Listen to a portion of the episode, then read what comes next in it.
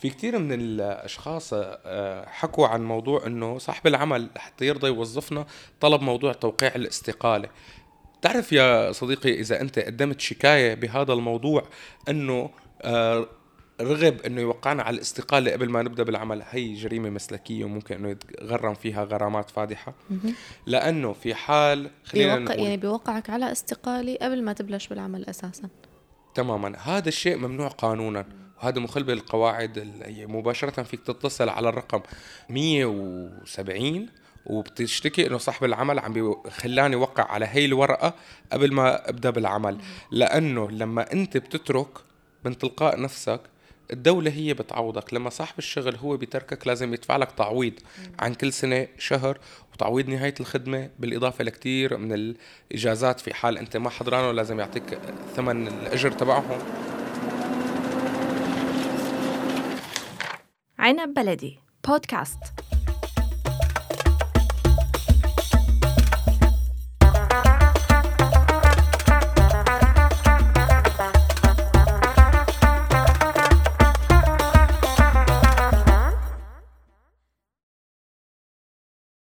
يا مرحبا فيكم بحلقة جديدة من بودكاست سيميتو شاي. معكم أنا سكينة. اليوم عم نحكي على موضوع قانون العمل بتركيا. وقانون العمل اللي بخص الأجانب بالذات أول شيء معنا الأستاذ وسيم قصاب باشي آه، محامي لحتى نحكي على موضوع قانون العمل آه، للأجانب بتركيا أو قانون العمل بشكل عام صحيح آه، أستاذ وسيم؟ أهلا وسهلا فيكم القانون الأساسي اللي بينظم علاقات العمل بتركيا هذا قانون العمل اللي رقمه 4857 صح؟ هل هذا بيشمل الأجانب؟ القانون التركي أو قانون العمال بتركيا من القوانين الضخمة والكثيفة جدا حتى قانون العمل من أكبر القوانين الموجودة بال فيها لكثرة تشعباتها و وكثرة التفاصيل اللي فيها يعني القانون العمل بيبتدى من لحظة التوظيف للحظة العمل للإجازات للخروج من العمل للتعطيل السنوي للاستقالة أو للوفاة أو للحوادث أو للانقطاع بسبب فترة التجنيس التجنيد الإلزامية أو بفترة مغادرة الأراضي أو بسبب إجازات العبادات الدينية مثل الحج. فهذا القانون عبارة عن قانون واسع جدا وفيه الكثير من التفاصيل ولا يمكن إحصائه. بشكل آه، مفرد. هلا هذا النوع من القوانين أصلا في محاميين مختصين بس قانون العمل. آه، هذا النوع من القوانين لا يمكن مثل ما ذكرت إنه تحصيه آه، شخص واحد بالإضافة لعلم ثاني قانون العمل هو مجموعة من القواعد اللي بتنظم العلاقة بين العامل وبمكان العمل وتعني بحفظ حقوق العمال وأصحاب الأشغال والمؤسسات بالحد الأدنى التي تكفل تطبيق القانون مع وجود استثناءات لأعمال معينة مثل القطاع الصحي والبلديات ورجال الأمن والدفاع المدني وغيرها من المؤسسات يلي لها قانونها الخاص وطابعها الخاص لحتى تأثر على قانون العمل.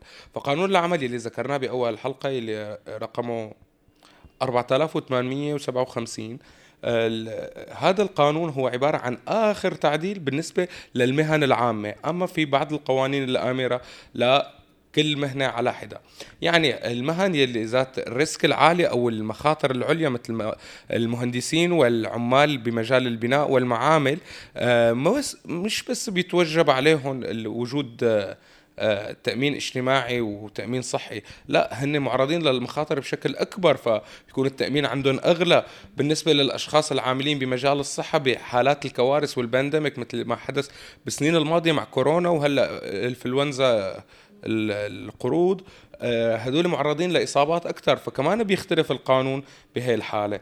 القانون مثل ما ذكرنا هو عبارة عن قواعد آمرة لحل النزاعات وتوثيق العلاقة بين العامل ومكان العمل وحفظ حقوق كل من المؤسسة التي نعمل بها وصاحب العمل والعمال المسؤول عن هذا الشيء وزارة العمل والشؤون الاجتماعية.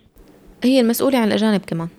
طبعا تطبق فيها هاي المؤسسة مسؤولة عن الأجانب بشكل كامل وإنما لما بيكون في أخطاء آه، كارثية ممكن أن تتدخل شعبية الأجانب بالإضافة لوزاره العمل والشؤون الاجتماعية. طب لنحكي شوي بالتفصيل. شو هي التزامات صاحب العمل تجاه العمال من ناحية الأجور؟ لنحكي أول شيء من الناحية المادية. بالنسبة للحقوق العامل هي حقوق لا تعد ولا تحصى ولا يمكن ذكرها بحلقة ولا اثنين ولا بعشرة أستاذة سكينة. ولكن نحن رح نحكي على أساسيات العمل. الأجانب اللي عم يجوا على تركيا عم يشتكوا من عدد ساعات العمل الطويلة مع إنه القانون محدد إنه اسبوعيا 45 ساعة يتم تقسيمها على عدد أيام الأسبوع.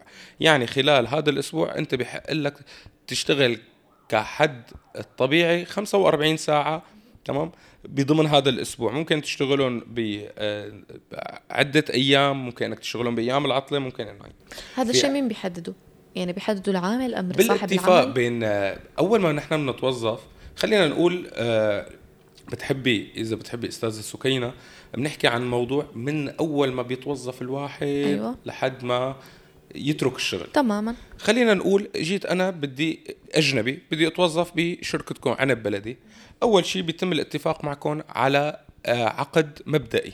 بيتم آه، إرساله لي نسخة ورساله لكم نسخة. أنا باخذ هذا العقد براجع فيه محاميه أنتم بيكون محامي شركتكم هو اللي درس هذا العقد. بنشوف إذا هو متطابق مع اللوائح التنفيذية لقانون العمل لأنه بحق لنا نحن نتفق على كل شيء ما لم يخالف القواعد الآمرة في هذا القانون.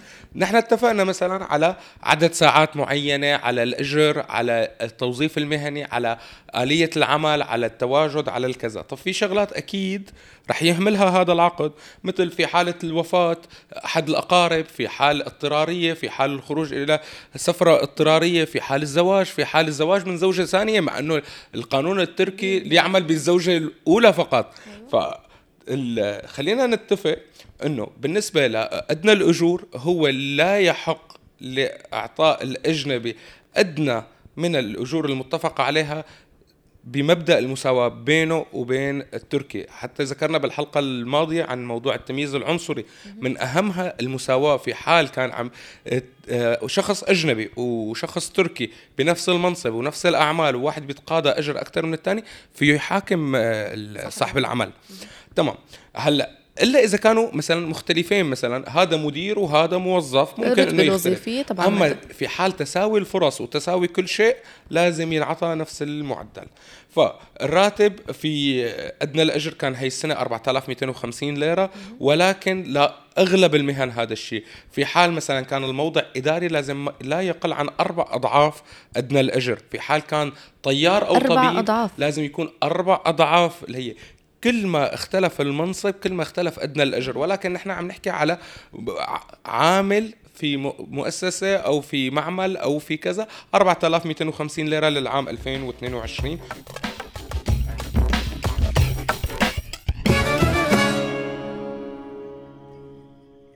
طيب بالنسبة لساعات العمل القانون طالما أنت وصاحب العمل متفقون على ساعات عمل فهو القانون بيقول لك 45 ساعة على عدد أيام الأسبوع.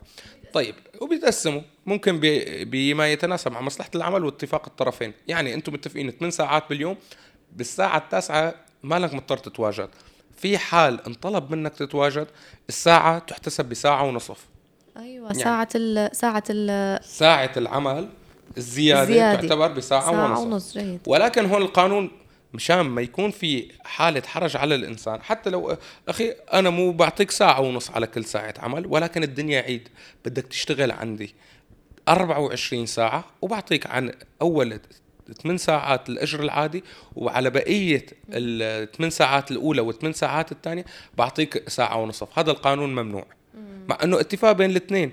ولكن لأنه في قاعدة بالقانون العمل بتقلك ممنوع يعمل أكثر من 270 ساعة بالأسبوع. ففي حال حتى لو كنت انت كصاحبة عمل متفقة مع الموظف بخلاف القواعد الامره بقانون العمل لا تحتسب.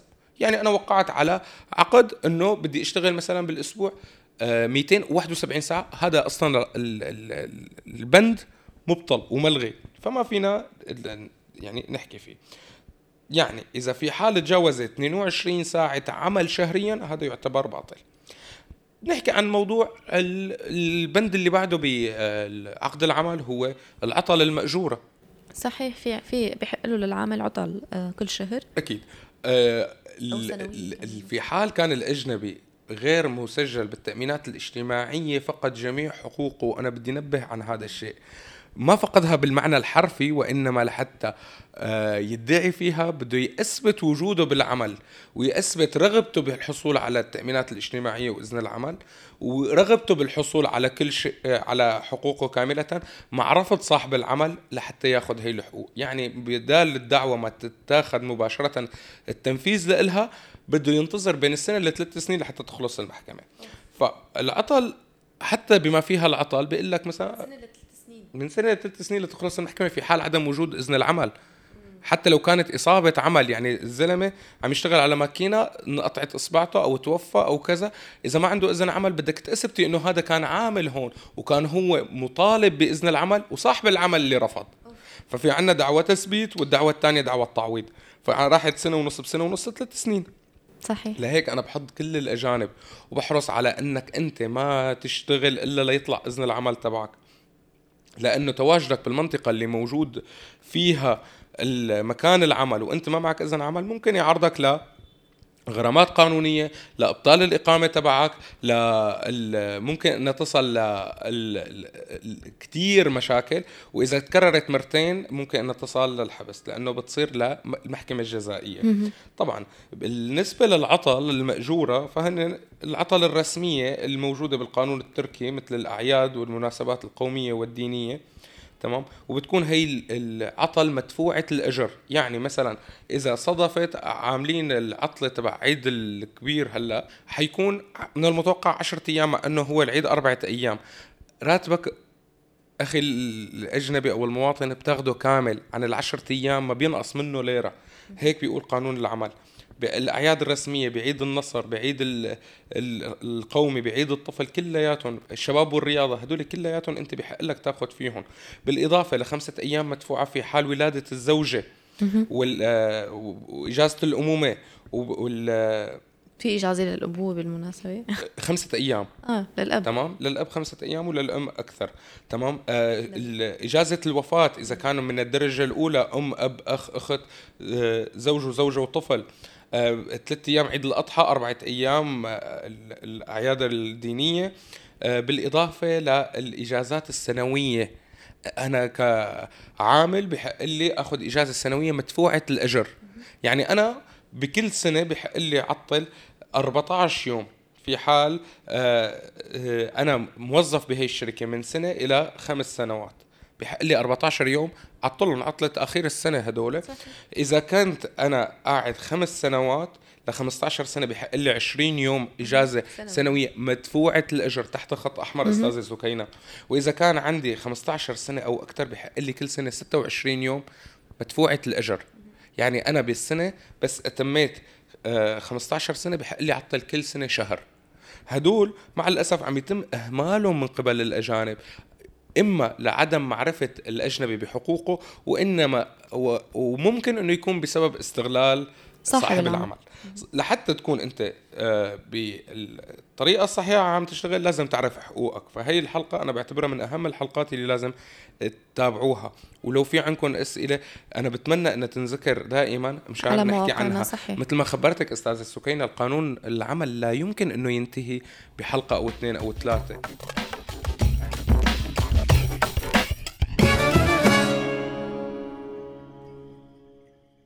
نحن حكينا على الإجازات والعطل الرسمية آه، راتب حكينا موضوع الاستقالة. في كثير من الأشخاص آه، حكوا عن موضوع إنه صاحب العمل حتى يرضى يوظفنا طلب موضوع توقيع الاستقالة. تعرف يا صديقي إذا أنت قدمت شكاية بهذا الموضوع إنه آه، رغب إنه يوقعنا على الاستقالة قبل ما نبدأ بالعمل هي جريمة مسلكية وممكن إنه يتغرم فيها غرامات فادحة. لأنه في حال خلينا بيوقع يعني بيوقعك على استقالة قبل ما تبلش بالعمل أساسا. تماما. هذا الشيء ممنوع قانونا. وهذا مخل بالقواعد مباشرة فيك تتصل على الرقم 170 وبتشتكي إنه صاحب العمل عم خلاني وقع على هي الورقة قبل ما أبدأ بالعمل. لأنه لما أنت بتترك من تلقاء نفسك الدولة هي بتعوضك. لما صاحب الشغل هو بتركك لازم يدفع لك تعويض عن كل سنة شهر وتعويض نهاية الخدمة بالإضافة لكتير من الإجازات في حال أنت ما حضرانه لازم يعطيك ثمن الأجر تبعهم. آه بينحسب كل أعمالك عن طريق المالي مشاور التابع للشركة وبينحسب لك التعويضات. فجدا مهم موضوع الاستقالة. آه، طبعا استثنى من موضوع الإخطار قبل الاستقالة. طبعا أنت اليوم اللي أنت بدك تترك بيكفي إنك أنت تبعت إخطار من كاتب العدل للشركة. هلأ آه، عقد العمل مثله مثل أي عقد بالدنيا ممكن فسخه من قبل أحد الأطراف أو كليهما. نوع أنواع عقود العمل بتركيا عقود محدودة المس... آه، محدودة المدة أو مفتوحة المدة جزئية أو دائمة. يعني ممكن إنه يكون أنا عقدي مع شركتكم لمدة سنة وممكن تكون belirsiz اللي هي بدون مدة. أنا بضل موظف عندكم لحد ما نتفق على غير هذا الكلام. طيب لما نحن أكثر شيء بتواجهنا هاي المعضلة بعقود ال belirsiz اللي هي عقود غير محدودة الأجل يلي هي أنا بيوم من الأيام إذا أنا بدي أترك الشغل أنا لازم أخطر الشركة اللي أنا بشتغل فيها إنه أنا بدي أترك. فممكن إنه يتم هذا الموضوع خلال 60 يوم تتحدد بين خلال 60 يوم إنه أنا بدي أترك. وفي حال بدي أترك بشكل مفاجئ في بعض الحالات اللي ممكن إنه تنقبل وفي بعض الحالات إنه ممكن تنقبل. يعني مثلا مثل الخدمة العسكرية بيقبلوا إنه الترك بدون الإخبار. آه، بحالة المرض الصحي بيقبلوا الترك بدون إخبار. في حال آه، السفر ل سبب معين بحق لهم هذا الشيء. أما آه، في حال بقاء أو ذهاب لغير عمل فأنا ملزم إني أخبر الشركة قبل انتهاء عملي ب 60 يوم بيتم هذا الشيء عن كتاب خطي أنا ببعته للمؤسسة أو عن طريق الكاتب بالعدل. في حال الشركة حبت تنهي خدمتي. لازم تعطيني آه تخطرني بإلغاء المدة قبل مدة أقلها 60 يوم. طبعا ومدفوعة الأجر. بيتم أنا توقيفي عن العمل وباخذ راتبي بهي. الحالة. في حال آه، حالة ثالثة مثلا آه، شافوني إنه أنا عندي مشكلة ولازم ما أتواجد بالشركة تمام؟ ونحن ما بدنا اياك ساعتها ممكن إنهم يتركوا ولكن بدهم يدفعوا له راتبه ثلاث شهور لقدام. تمام؟ آه راتبه ثلاث شهور لقدام بتكون حسب المدة اللي قضاها بهي الشركة ولا؟ بتزيد كل ما بتزيد المدة. يعني في حال هو كان وسطيا بين الخمسة لل 15 سنة ثلاث شهور. بالإضافة لكامل التعويضات تبعه. التعويضات هي اللي بتفرق معنا. يعني إذا كان من خمس سنين فما فوق رقم إذا كانت خمسة لعشرة إذا ضل أقل من خمس سنين. خمس سنين من صفر إلى خمس سنوات هي راتب شهر عن كل سنة. راتب شهر عن كل, كل سنة. سنة. يعني قعد ثلاث سنين بيطلع له ثلاث رواتب. بالإضافة لثلاث رواتب تبعات الفصل. إذا مجموعهم قديش بيطلع؟ ستة أشهر مثلا فبينحسبوا له ستة أشهر. جيد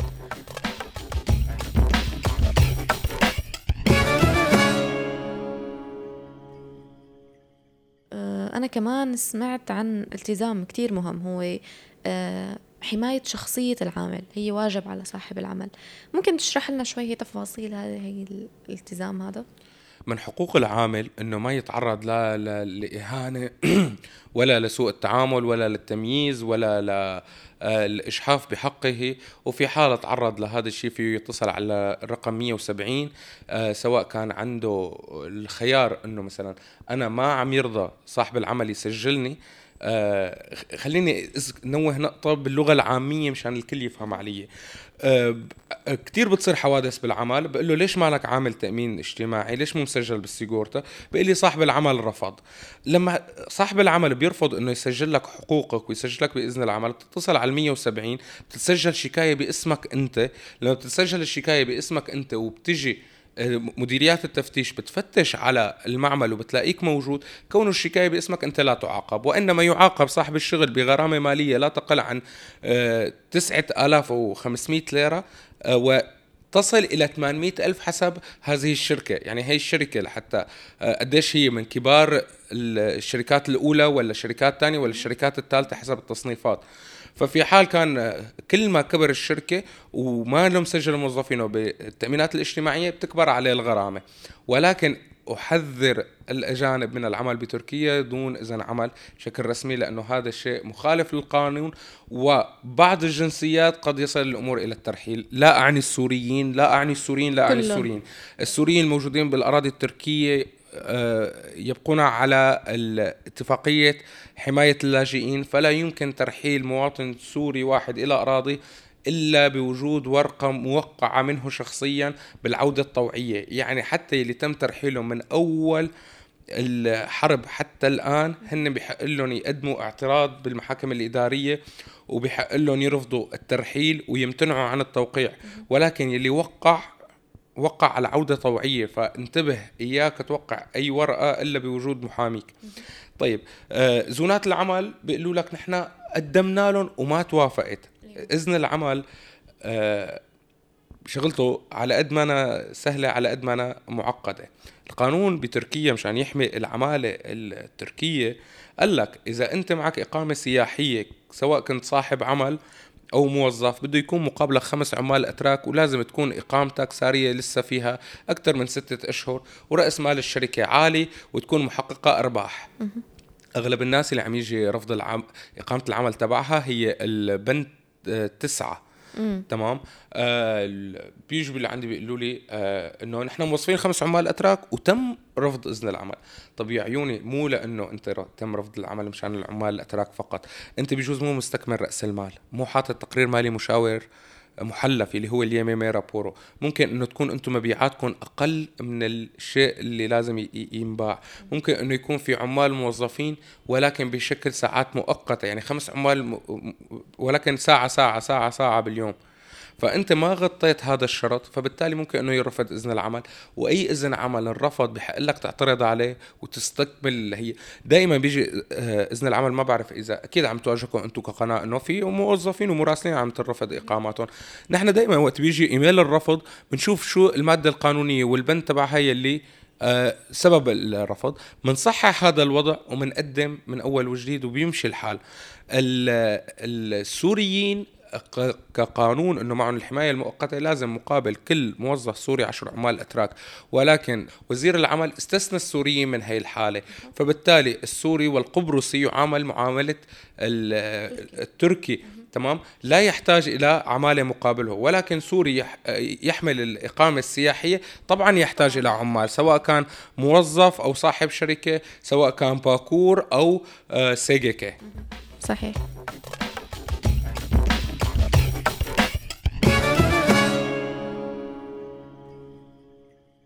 آه، طيب هون إذا انرفض إذن العمل اجى قالوا لنا رفض انرفض إذن العمل. هون شو شو لازم كيف لازم نتصرف؟ كم كأنا كان موظف في حال رفض إذن العمل بتوقف عن العمل مباشرة. لأنه أنت بحق لك أصلا إنك تقدم استقالتك وتاخذ جميع تعويضاتك بسبب رفض إذن العمل.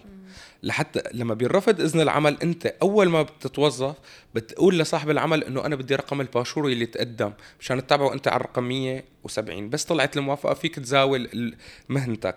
آه المفتشين عم يتغاضوا لما عم بيشوفوا شخص مقدم على إذن العمل بس لسه ما طلعت النتيجة ولكن ما راح يتهاونوا مع شخص مرفوض. بالأساس ما مقدم. آه ما تمام؟ مقدم.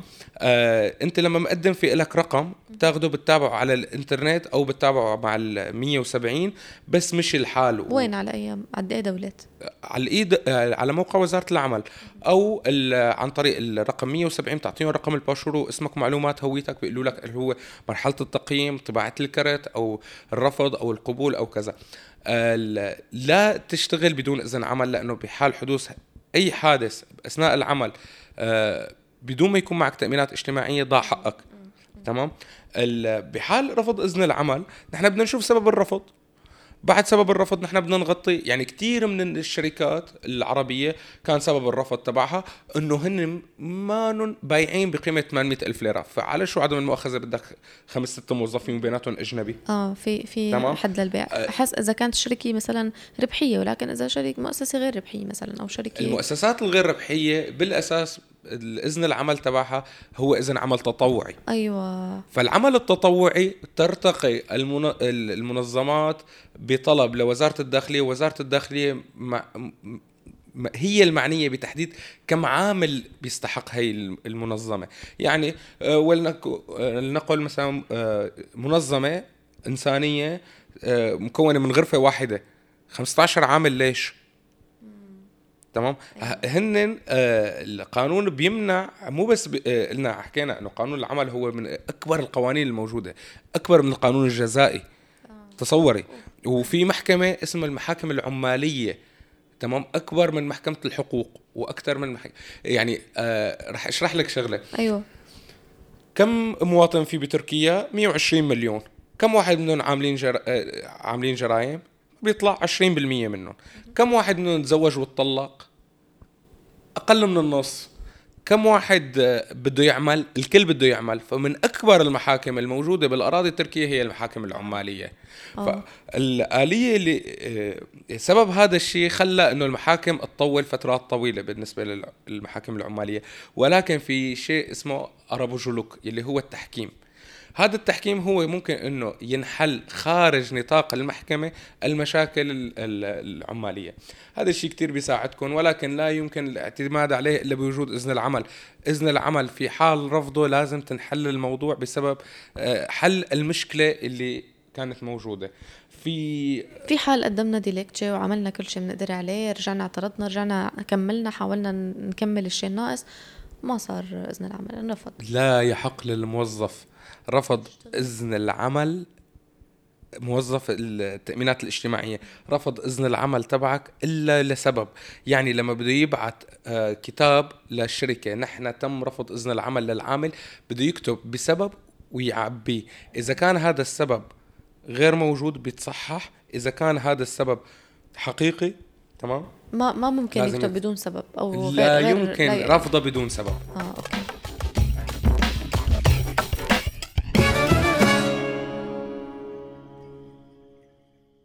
إجراءات التقديم على إذن عمل سهله صحيح؟ يعني ما أنا ما أنا صعبه هي مجرد إنك بتقدم على شخص هذا عم يشتغل عندي و... الأجنبي لما بده يقدم على إذن العمل بالأراضي التركية تقريبا عنده ليستة مكونة من 16 بند بده يأمن هدول الأوراق.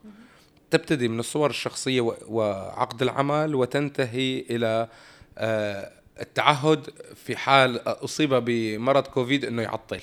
كوفيد بس. عم أقول لك يعني إنه شروط جدا هي لإبراز شهاداته لمعادلة الشهادات كثير شروط آه، لا تعتبر من الشروط السهلة. ولكن السوري الحاصل على الإقامة المؤقتة ال geçici koruma أو الكملك البيضاء أخوتنا السوريين أه. هدول معفيين يعني بتقل من آه، حكينا من 20 طلب بيقول له تقريبا لشيء 8 طلبات. تمام؟ يعني ما عاد في داعي لأبراز شهاده إذا كانت موجودة أو في حال كان التوظيف على شكل عامل ما في داعي لأبراز الشهادة. ولكن إذا كان بصفة مدير أو طبيب أو معلم لازم إبراز الشهادة. وطبعا هدول بياخذوا ميزات أعلى لأنه المدير والطبيب والمدرس بياخذ آه، ضعف ادنى الاجر تمام؟ بالنسبة للإستقالة حكينا إنه إذا أنت ألزموك على براءة ذمة فيك إنك أنت ترسل ترسلها عن طريق النوتر أو عن طريق خطاب رسمي ما في أي مشكلة عليها. هلأ أنا بتمنى أستاذ السكينه إنه يكون في حلقة تانية لحتى نحكي عن موضوع حوادث العمل أيوة. والتعويضات تبعاتها. هي هي بدها هي تقريبا بدها حلقة أو تنتين. جيد. إذن العمل يوم نحن عم ندفع عليه السيجورتا اللي هي التأمينات الاجتماعية. هي طبعا بتكون جزء منها كبير. خلينا نحكي عن هذا الموضوع جدا مهم بحلقتنا قبل ما نختتم. موضوع إذن العمل تكاليفه على المؤسسة وليس على العامل. يعني صاحب العمل لا يمكن إنه يقول لك آه، أنا بعمل لك إذن العمل بس أنت بتدفع تكاليفه. هذا الشيء عائد للمعمل آه. أو المؤسسة. لا يمكن تغريم الموظفين في في أشخاص بيعملوا بالنسبة هاي الفت... إنه بالنسبة للتأمينات الاجتماعية قانونا بح... لازم صاحب العمل يدفعها وليس مناصفة مثل ما عم بيصير مع أخوتنا السوريين أو آه. مثلا يدفعوا الموظف. هذا ممنوع. تماما. آه هو يقتطع من الراتب بحيث إنه يصلك صافي لأجر 4250 كحد أدنى. تمام؟ وإنما مع التعويضات وبدل الطعام وبدل اللبس وبدل كثير من الحقوق. يعني حتى بدل المواصلات بيطلع لك.